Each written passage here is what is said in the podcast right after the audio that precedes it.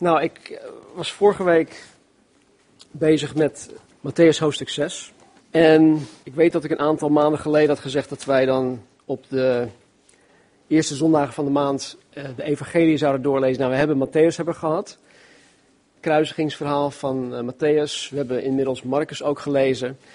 En we staan nu eigenlijk op het punt om Lucas te behandelen. Maar ik had in mijn mailtje naar jullie toe gezegd dat ik het een, een korte preek zou houden. Dus ik moest afwijken van die weg.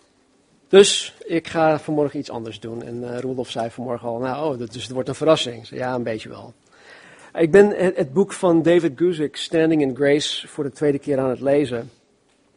En deze keer werd ik heel sterk bepaald door, door één Bijbelvers die door David Guzik behandeld wordt.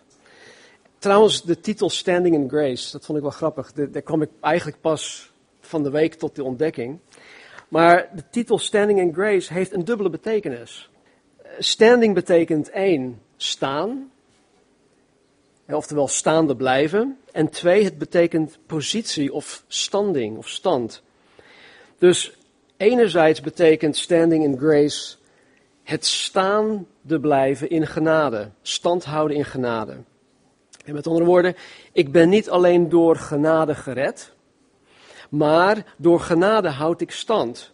Door genade blijf ik staande. Ongeacht mijn, mijn falen, ongeacht mijn uh, fouten die ik maak, ongeacht mijn, uh, ja, uh, of ik het nu wel goed of niet, doe, niet goed doe, blijf ik door genade stand houden. Anderzijds betekent standing in grace mijn positie of mijn standing in genade. En dat wil zeggen, dat mijn positie, mijn bestaan als christen zijnde, zal altijd een positie van een begenadigde zijn. Ik kan Gods goedkeuring, ik kan Gods acceptatie, eh, hoe, dat God mij aanneemt, ik kan Gods zegen geen zins verdienen. Dus mijn standing met God, mijn, mijn positie met God, uh, het bestaan van mijn relatie met God is, is puur en alleen gebaseerd op Gods genade. Ik kan er niets aan toevoegen. Ik kan, ik kan helemaal niets doen om uh, mijn standing in genade uh, of mijn, mijn positie met God te verbeteren. God heeft het al gedaan. Nou, beide betekenissen zijn belangrijk en beide betekenissen zijn ook bijbels. Maar goed, ik, ik ben sterk bepaald door één vers, dat door David Guzik behandeld wordt. En het heeft te maken met hoe God mij ziet hoe God mij ziet, hoe God mij in Christus ziet.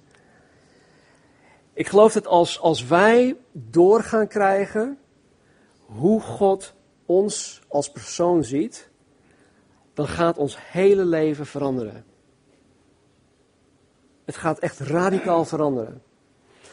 Laten we naar Lucas toe gaan, Lucas hoofdstuk 1. Lucas 1, vers 26. In de zesde maand werd de engel Gabriel door God gezonden naar een stad in Galilea, waarvan de naam Nazareth was, naar een maagd die ondertrouwd was met een man, van wie de naam Jozef was, uit het huis van David. En de naam van de maagd was Maria.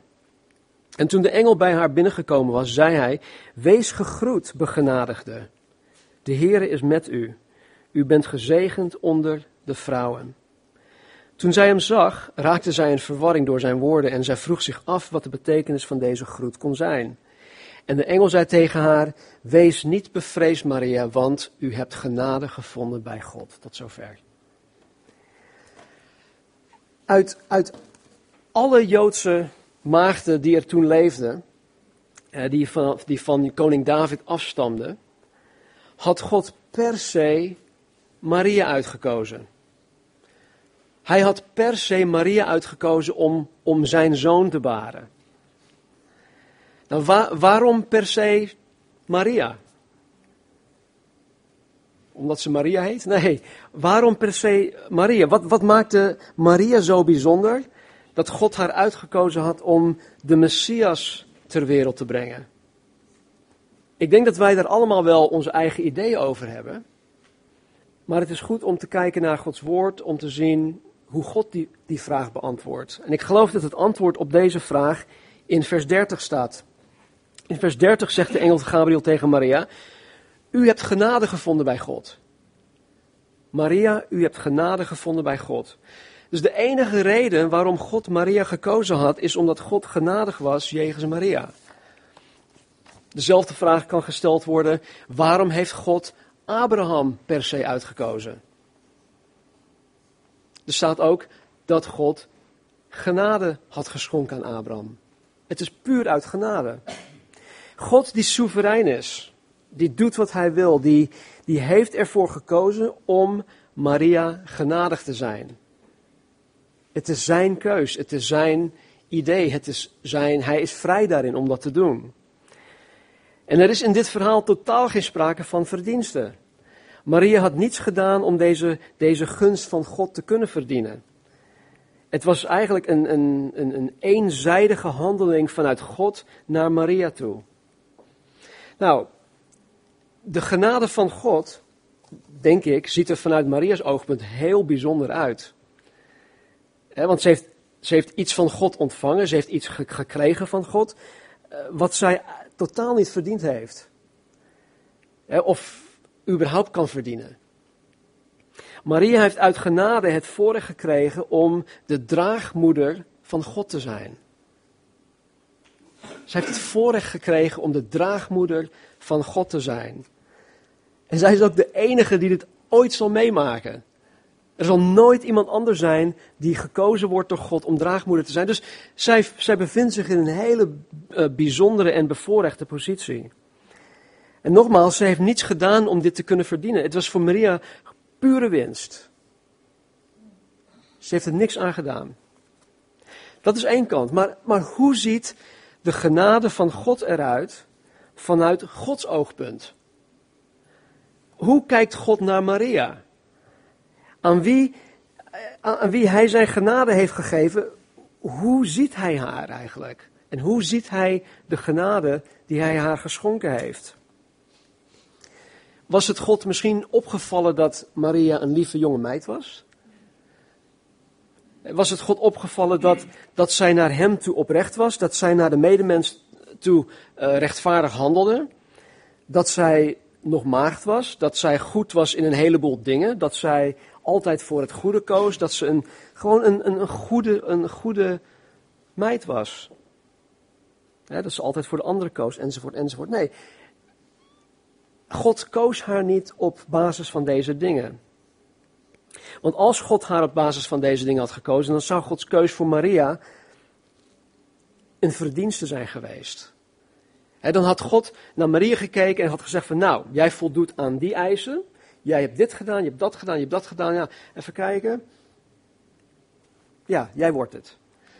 Nee, maar dat, dat, dat, was totaal geen sprake van dit soort selectieproces. In vers 28 zien wij hoe God Maria ziet door de ogen van zijn genade. In vers 28 staat dit. En toen de engel bij haar binnengekomen was, zei hij, Wees gegroet, begenadigde. De Heer is met u, u bent gezegend onder de vrouwen. De engel Gabriel zegt tegen Maria, Wees gegroet, begenadigde. Nou, het grondwoord dat hier vertaald, vertaald wordt als wees gegroet betekent blij zijn. Blij zijn zich verheugen of gewoon vreugdevol zijn. Dus wees gegroet is een beetje, ja weet je, het is niet, in mijn optiek niet echt een, een, een goede vertaling. De begroeting van Gabriel is eigenlijk dit, verheug u. Wees super verblijd, begenadigde. Echt de, de, de, de allerhoogste overtreffende trap. Dat is misschien overbodig, maar het is, het, het, wees gewoon blij. Wees blij, begenadigde. Willy Broert, de Willy Broert vertaling is trouwens de enige die het op deze manier vertaalt. Alle andere Nederlandse vertalingen zeggen wees gegroet. Willy Broert zegt dit. Verheug u. Wees super blij. Verheug u, begenadigde. De Heere is met u. De engel Gabriel zegt ook tegen Maria, begenadigde. Dat is een prachtig woord. We gebruiken dat elke dag, toch? Nee. Het is een prachtig woord, maar het heeft helaas weinig betekenis als je niet weet wat het betekent. En ik denk omdat het geen ja, uh, normaal woord is, dat wij, dat wij in, ja, in, in ons dagelijks gebruik uh, voor elkaar gebruiken, hebben we niet echt een idee van wat het betekent. New King James zegt dit. Vind ik wel mooi. Hij zegt, of er staat, rejoice, highly favored one. Het is verheug u, rejoice. Maar over begenadigde staat in de New King James, highly favored one. Het is bovenmatig uh, begunstigde of zoiets. Het is iemand die, uh, die een lieveling is van God. Het spreekt van iemand waarnaar God kijkt met alleen maar liefde in zijn ogen. Met alleen maar het verlangen om die persoon overvloedig te zegenen met alle zegen in de geestelijke gewesten. Of in de hemelse gewesten. Het, is, het spreekt van iemand waarnaar God kijkt met alleen maar het allerbeste dat hij voor hun voor ogen heeft. En hier zien wij dat in Gods ogen Maria iemand is die God alleen maar wil zegenen. God ziet Maria door de ogen van zijn genade. Hij ziet haar als zijn favoriet. Niet omdat Maria zo bijzonder is. Nee, omdat Gods genade zo bijzonder is. En dit is onder andere wat het woord begenadigde in de grondtekst betekent. En dit is hoe de genade van God eruit ziet vanuit Gods oogpunt. Nou, dit is hoe God Maria zag. Maar hoe ziet God mij? Hoe ziet God jou? Ik denk dat wij geneigd zijn om te denken dat het logisch is dat God zo naar Maria kijkt. Waarom? Ja, omdat het Maria is. Wij hebben Maria een bepaalde plaats gegeven.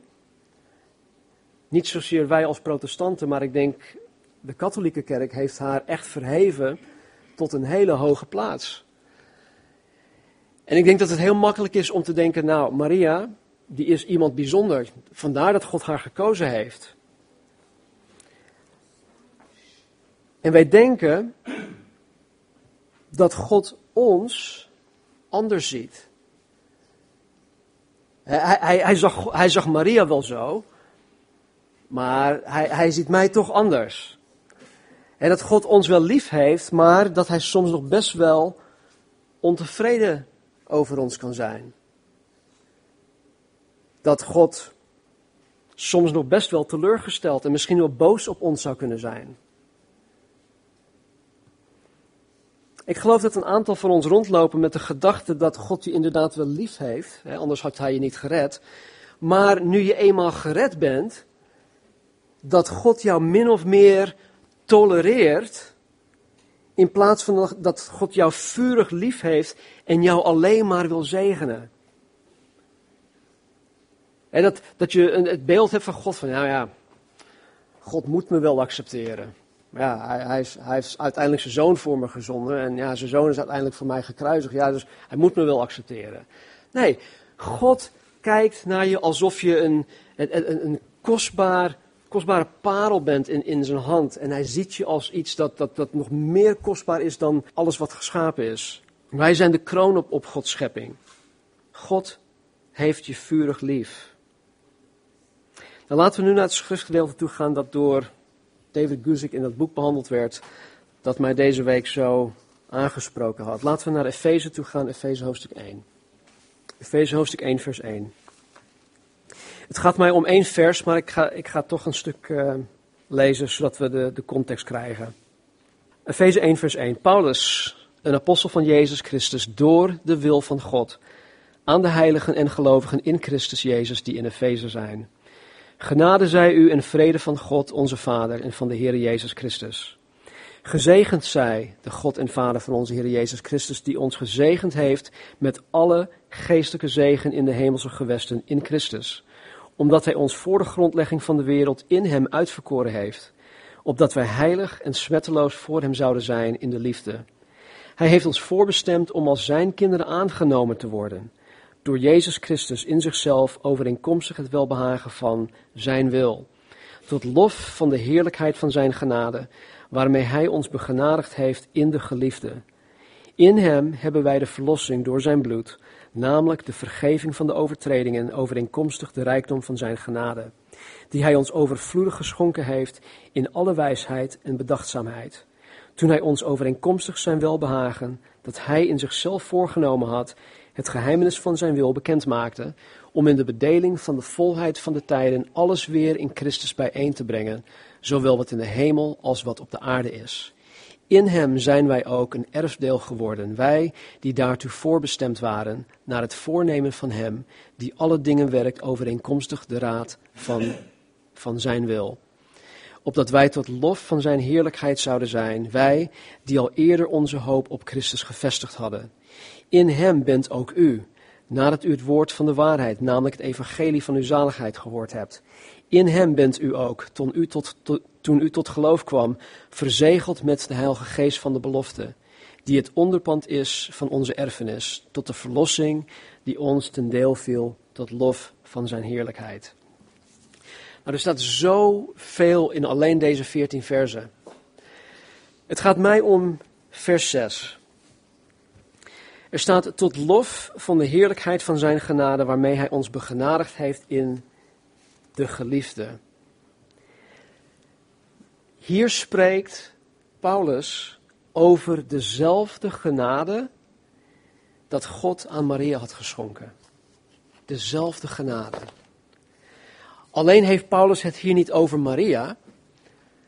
Paulus spreekt hier over alle wedergeboren christenen. Dus als je vanmorgen wedergeboren bent, dan geldt de preek vanmorgen vooral voor jou. Als je niet wedergeboren bent, dan hoop ik dat de preek van vanmorgen je zal overtuigen om wedergeboren te willen worden. In dit vers gebruikt Paulus hetzelfde grondwoord dat Lucas gebruikt. In Lucas 1, vers 28. Eh, eh, trouwens, dit zijn de enige twee keren dat dit woord in het heel Nieuw Testament gebruikt wordt. En dit grondwoord wordt zowel in Lucas als hier vertaald in het woord begenadigde. Nou, we hebben zojuist gezien wat het woord begenadigde voor Maria betekende. Maar wisten jullie dat het, het, voor ons precies hetzelfde betekent? Wat het voor Maria betekende, betekent het ook voor ons. De Engelse vertaling uit New King James verwoordt het zo, verwoordt het uh, ja, anders. En ik, ik vind het, ja, voorkeur Engels natuurlijk, maar ik vind het heel mooi. Want het, het spreekt, het spreekt uh, toch iets duidelijker. Er staat over His grace, by which He has made us accepted in the beloved. In deze vertaling zien wij een ander facet van het effect van Gods genade. Hier wordt gezegd dat wij, die wedergeboren zijn, door Gods genade in Christus, door God geaccepteerd worden. Wij worden door God aangenomen, wij worden door God geaccepteerd, wij worden door God aanvaard. En dan niet in een negatieve zin, hè, dat God ons maar moet accepteren, zoals ik dat ook uh, net zei, dat Hij ons maar moet tolereren of verdragen. Nee, ik word zoals ik ben, door mijn positie in Christus, volkomen, gewillig en met heel veel blijdschap door God geaccepteerd. God neemt mij met heel veel vreugde aan. En weet je, dit heeft totaal niets met eigen verdiensten te maken. Dit is puur een keus van God om zijn gunst te willen geven. Nou, de reden waarom dit zo'n impact op mij heeft, is, is omdat ik mezelf en ik zie ook in deze gemeente dat wij niet helemaal doorhebben dat God ons op deze wijze ziet. En dat is in alles te merken. Het is echt in alles te merken. In mijn eigen leven, in jullie levens.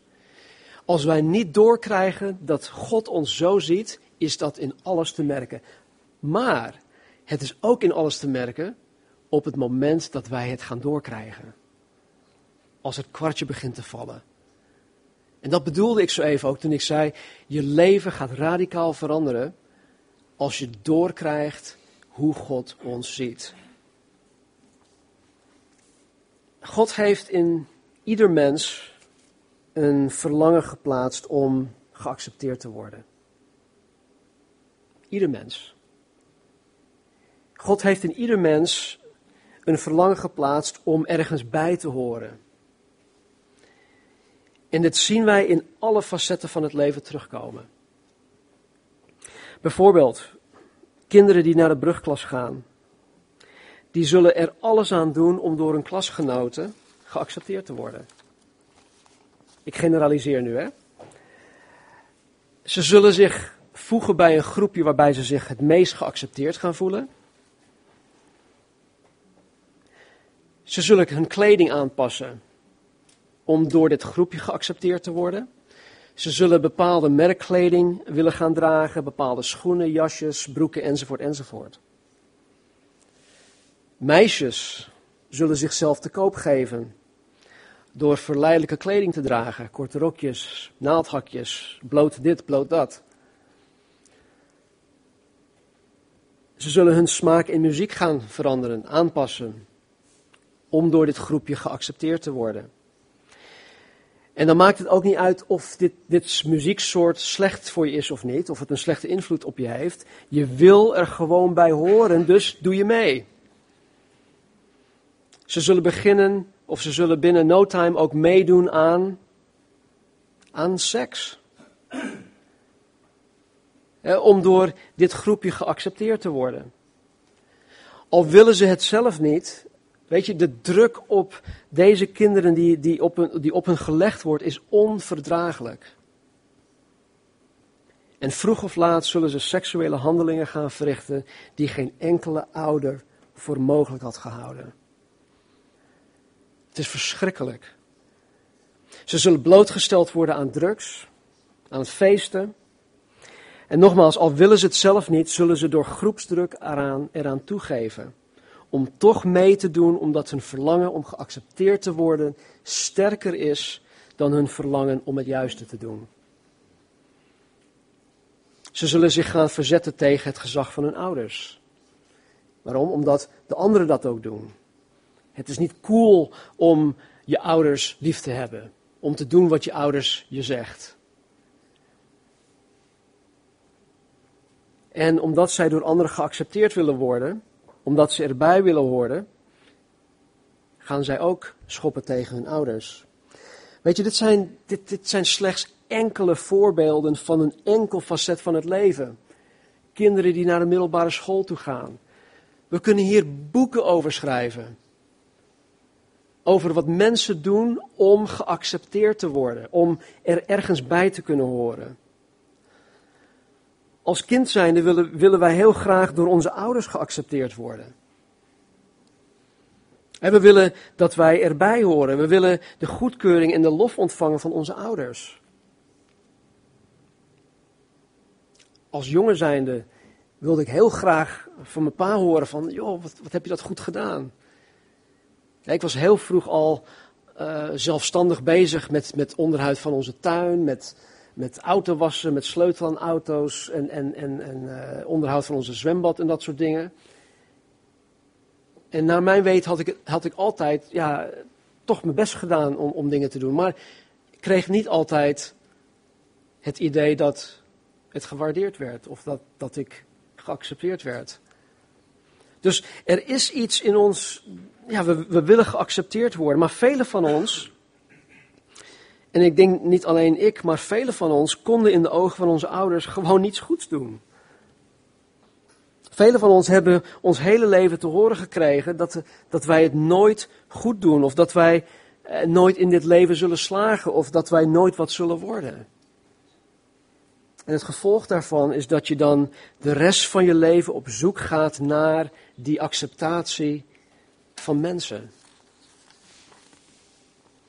Nou, er zijn ontelbare voorbeelden van wat mensen doen om door anderen geaccepteerd te worden, om erbij te horen. En weet je, het is niet alleen voor de ongelovigen in de wereld. Wij, christenen, doen nog veel te veel om door mensen geaccepteerd te worden. Omdat wij niet weten dat God ons accepteert zoals we zijn in Christus. Zoals ik zei, God heeft in ieder mens een verlangen geplaatst om geaccepteerd te worden, hè, om, om ergens bij te horen. Maar God, in zijn liefde, heeft ons ook de oplossing gegeven om dit verlangen in het diepst van ons wezen ook te kunnen bevredigen. God heeft ons het verlangen gegeven. Hij heeft dat in ons, in ons DNA geplaatst. Maar tegelijkertijd heeft hij ook de oplossing gegeven om, die, om, om, om dat verlangen uh, te kunnen bevredigen. God heeft ons zijn genade gegeven, waarmee hij ons begenadigd heeft. Oftewel waarmee hij ons met oneindig veel blijdschap geaccepteerd en aangenomen heeft. Ik ben nu, even kijken, 29 augustus zijn Marnie en ik 31 jaar samen.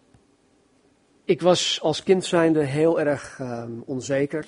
Zelfs tot, tot ja, als jong volwassene was ik echt super onzeker. Um, altijd verlegen geweest. En toen ik eenmaal verkering kreeg met Marnie. Nou jongens, als jullie Marnie had gezien toen ze nou, ze ziet er nog prachtig uit, maar als, als jonge dame.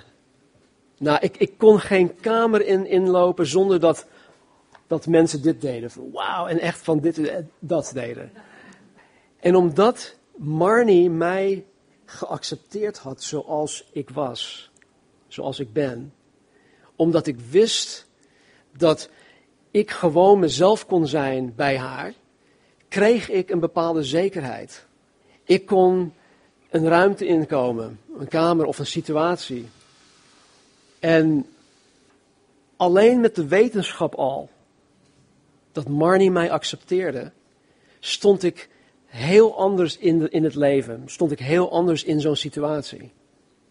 Nou, als een persoon dit voor iemand kan doen, hoeveel meer en hoeveel groter eh, is de impact dan niet op ons, op onze zekerheid, als wij zeker weten hoe God ons ziet. Dat God ons accepteert zoals we zijn. Als je eenmaal door gaat krijgen dat God blij is met je.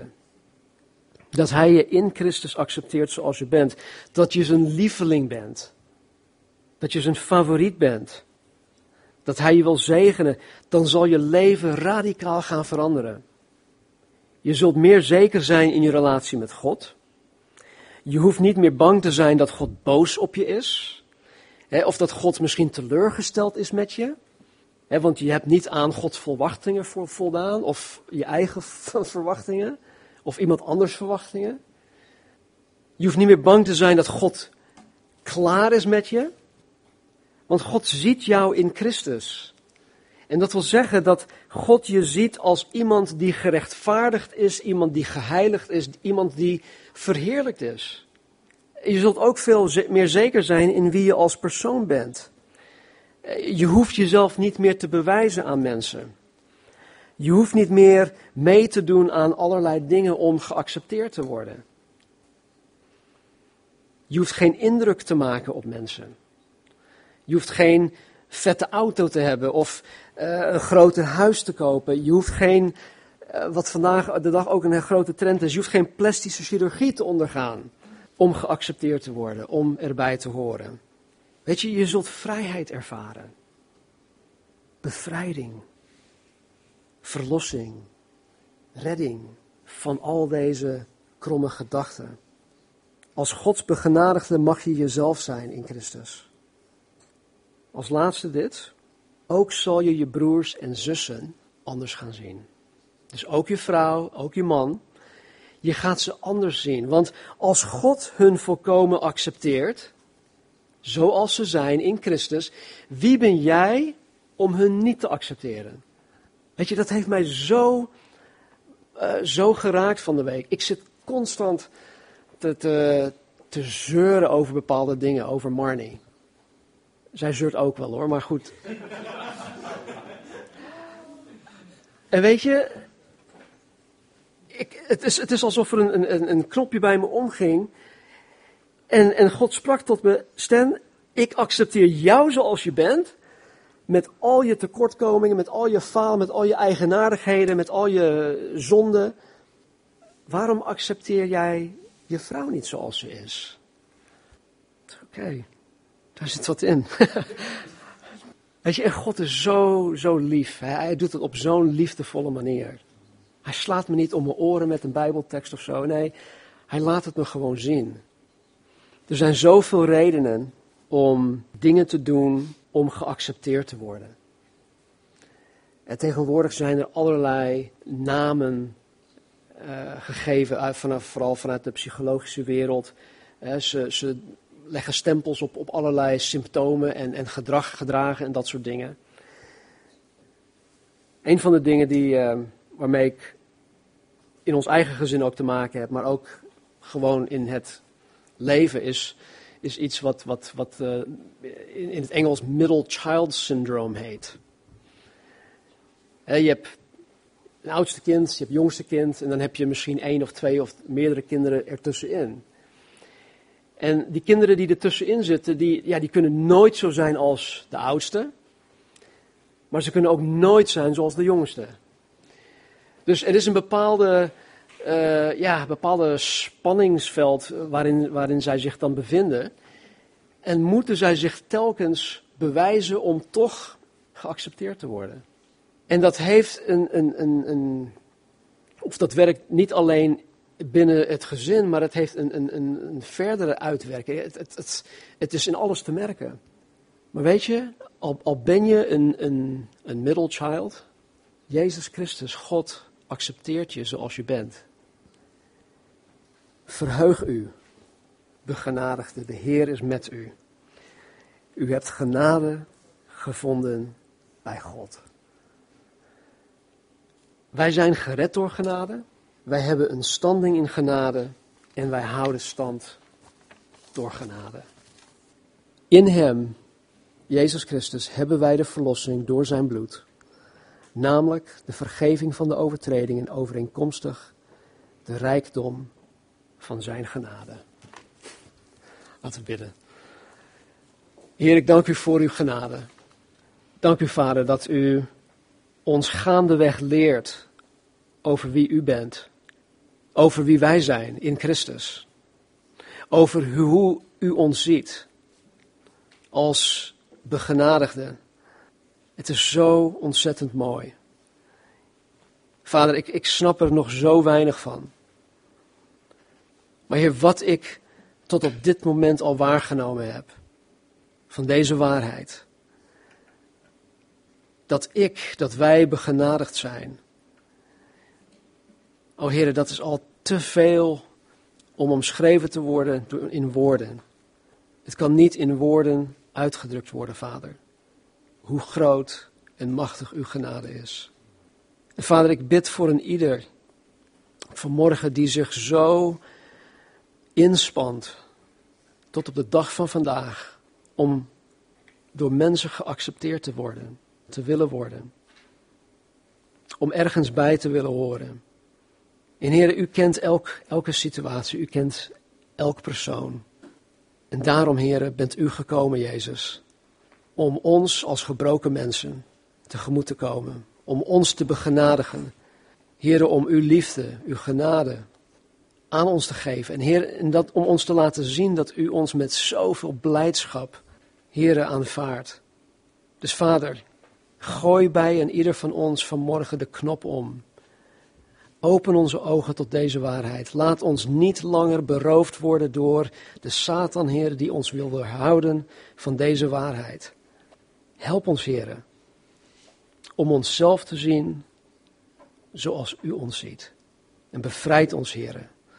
Bevrijd ons van alle andere foute gedachten die wij hierover hebben. Dank u wel. In Jezus' naam. Amen.